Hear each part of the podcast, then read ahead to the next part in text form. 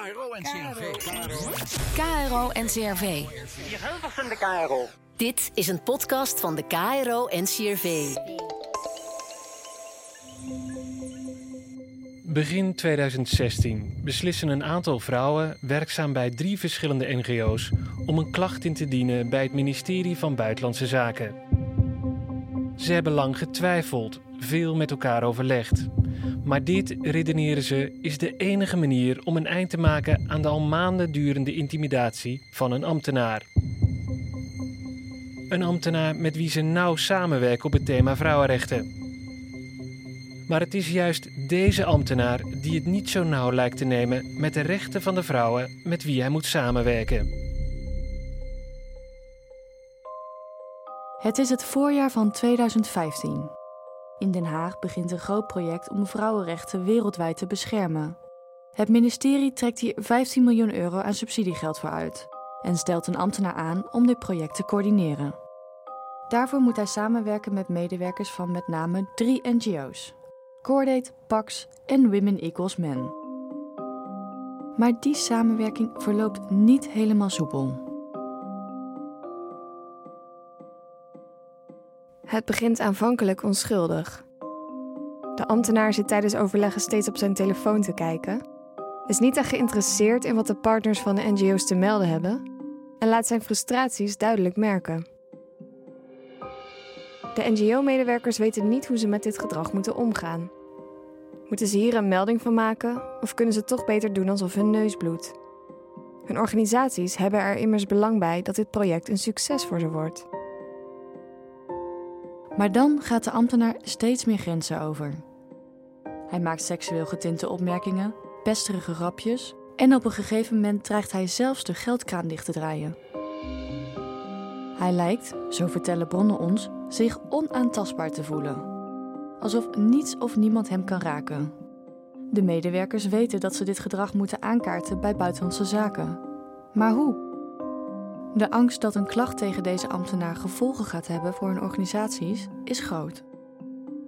De ambtenaar dreigde immers de geldkraan dicht te kunnen draaien. Het duurt ruim een jaar voordat de medewerkers van de NGO's voldoende moed hebben verzameld om een klacht in te dienen bij Buitenlandse Zaken. Maar dat blijkt niet makkelijk. Na veel met elkaar overlegd te hebben, besluiten ze Buitenlandse Zaken op de hoogte te stellen ze willen een klacht indienen wegens grensoverschrijdend gedrag. Er is alleen één probleem. Ze hebben geen idee waar ze deze klacht kunnen neerleggen. Het ministerie heeft namelijk geen meldpunt voor externe partijen en ook geen klachtenprocedure waar ze als externe organisatie gebruik van kunnen maken.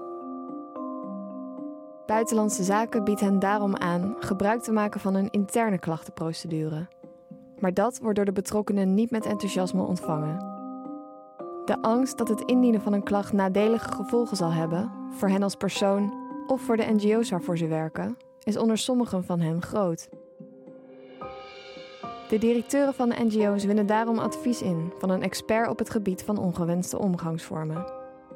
Die neemt eerst, op verzoek van de medewerkers, voorzorgsmaatregelen. Voordat ze een klacht gaan indienen, willen de medewerkers zeker weten dat het gebruik maken van deze procedure geen negatieve consequenties zal hebben voor de samenwerkingen in de toekomst. En die zekerheid krijgen ze in de vorm van een brief, ondertekend door René Jones Bos, de hoogste ambtenaar van het ministerie. De NGO's dienen uiteindelijk acht klachten tegen de ambtenaar in. Buitenlandse Zaken stelt daarop een klachtencommissie in die de klachten gaat onderzoeken. Na ruim een half jaar komt het eindoordeel. De ambtenaar wordt schuldig bevonden aan seksuele intimidatie, pesten en financieel machtsmisbruik. Een opluchting voor de betrokkenen die maandenlang in spanning hebben gezeten. Maar al snel maakt de opluchting plaats voor een onbevredigend gevoel. Nu de commissie hen in het gelijk heeft gesteld, willen de betrokkenen weten wat het ministerie gaat doen met het oordeel. Maar dat krijgen ze niet te horen. Het ministerie laat aan de betrokkenen per brief weten dat ze erop kunnen vertrouwen dat de ambtenaar gestraft zal worden, maar welke straf dat is, blijft geheim. Personeelsvertrouwelijk, zegt het ministerie desgevraagd. Het enige wat wel zichtbaar wordt voor de betrokkenen is dat deze ambtenaar nog voordat de klachtenprocedure is afgerond overgeplaatst wordt naar een andere afdeling. Een afdeling waar hij een soortgelijke functie krijgt en opnieuw moet samenwerken met NGO's. Ook rond het thema vrouwenrechten. Onbegrijpelijk, zegt integriteitsexpert Inge te Braken tegen Reporter Radio. Kijk, dat de man recht heeft op privacy, snap ik inderdaad. Maar waar de organisatie geen rekening mee houdt, is dat het voor slachtoffers ongelooflijk belangrijk is dat ze weten wat er gebeurt naar aanleiding van de klacht die ze in hebben gediend. En dat heeft twee redenen. Dat heeft te maken met het feit dat ze de zaak achter zich moeten kunnen laten. En daar is een soort van genoegdoening voor nodig. En dat betekent hoe wordt iemand gestraft. En het tweede wat eronder zit is dat uh, al bekend is geworden dat de man uh, hangende het onderzoek al verplaatst is. Dat voelt voor hun als van, oh, dat is makkelijk om hem even weg te zetten. En vervolgens, daarna gebeurt er niets meer. Hij moet absoluut een tweede kans krijgen. Maar niet op het ministerie waar hij nog steeds in contact kan komen met de slachtoffers. Zolang bij hun de dreiging is dat zij het gevoel hebben... wij gaan hem tegenkomen, digitaal, um, live, um, met een telefoongesprek... of al een naam in, in een verslag of in notulen. En dan denk ik van, nou, als je het goed wil doen voor alle partijen... verdient de man een tweede kans, maar verdienen de slachtoffers rust. En die hebben ze nu niet. Het ministerie zegt de desgevraagd alles aan te doen om te zorgen dat de slachtoffers en de dader niet met elkaar in contact zullen komen. Maar uitsluiten kunnen ze het niet. In de uitzending van Reporter Radio reageert Annelies Faro namens het ministerie van Buitenlandse Zaken op de kwestie. Zij was als centrale coördinator integriteit verantwoordelijk voor het integriteitsbeleid bij het ministerie ten tijde van de klachtenprocedure je zit in allerlei netwerken en zowel online als in de echte wereld kan het zo zijn dat je elkaar tegenkomt. Nou is natuurlijk de hele bedoeling van een traject en een disciplinaire straf dat iemand daarna uh, dat dat geen enkel probleem meer zou zijn. Maar het is zeker niet de intentie van ons dat uh, zij uh, weer samen op één dossier gaan werken. In principe zit hij niet op hetzelfde dossier. niet dat ik, en er zijn ook geen overlappende weet. terreinen? Daar doe ik geen mededelingen over. De betrokkenen in de zaak willen ook dat er een meldpunt komt voor externe organisaties. Ze ervoeren immers zelf hoe lastig het was om een klacht aanhangig te maken. Hoewel het ministerie van Buitenlandse Zaken in eerste instantie geen gehoor lijkt te willen geven aan het verzoek van de betrokkenen om een extern meldpunt te installeren, laat het ministerie op vragen van Reporter Radio alsnog weten dat zo'n meldpunt er gaat komen. Bij voorkeur wordt dat een uh, rijksbreed meldpunt. Uh, er kunnen natuurlijk niet genoeg meldpunten zijn. Ik denk dat het belangrijk is dat er een meldpunt is wat zo vindbaar mogelijk is. Naast alle andere meldpunten bij BZ die er al zijn. Ook het gewone integriteitsmeldpunt wat uh, op de website, eerste pagina, te mm. vinden is van BZ, staat al jaren open voor alle externe. Maar kennelijk is het dus niet zo heel makkelijk te vinden voor onze samenwerkingspartners. Nou, dat willen we het graag verbeteren. Het was er niet.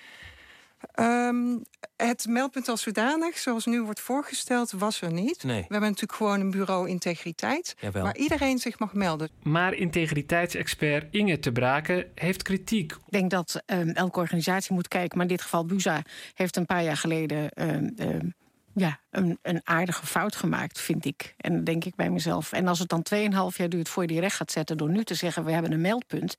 ja, dat kan zijn door dat de dames nog hebben geduwd. Dat kan zijn door de MeToo. Maar dan denk ik wel dat je ergens toch een tijd geleden wat hebt laten liggen. Want je weet als organisatie dat je met die mensen samenwerkt. Zorg er dan ook voor dat ze de goede weg weten te vinden.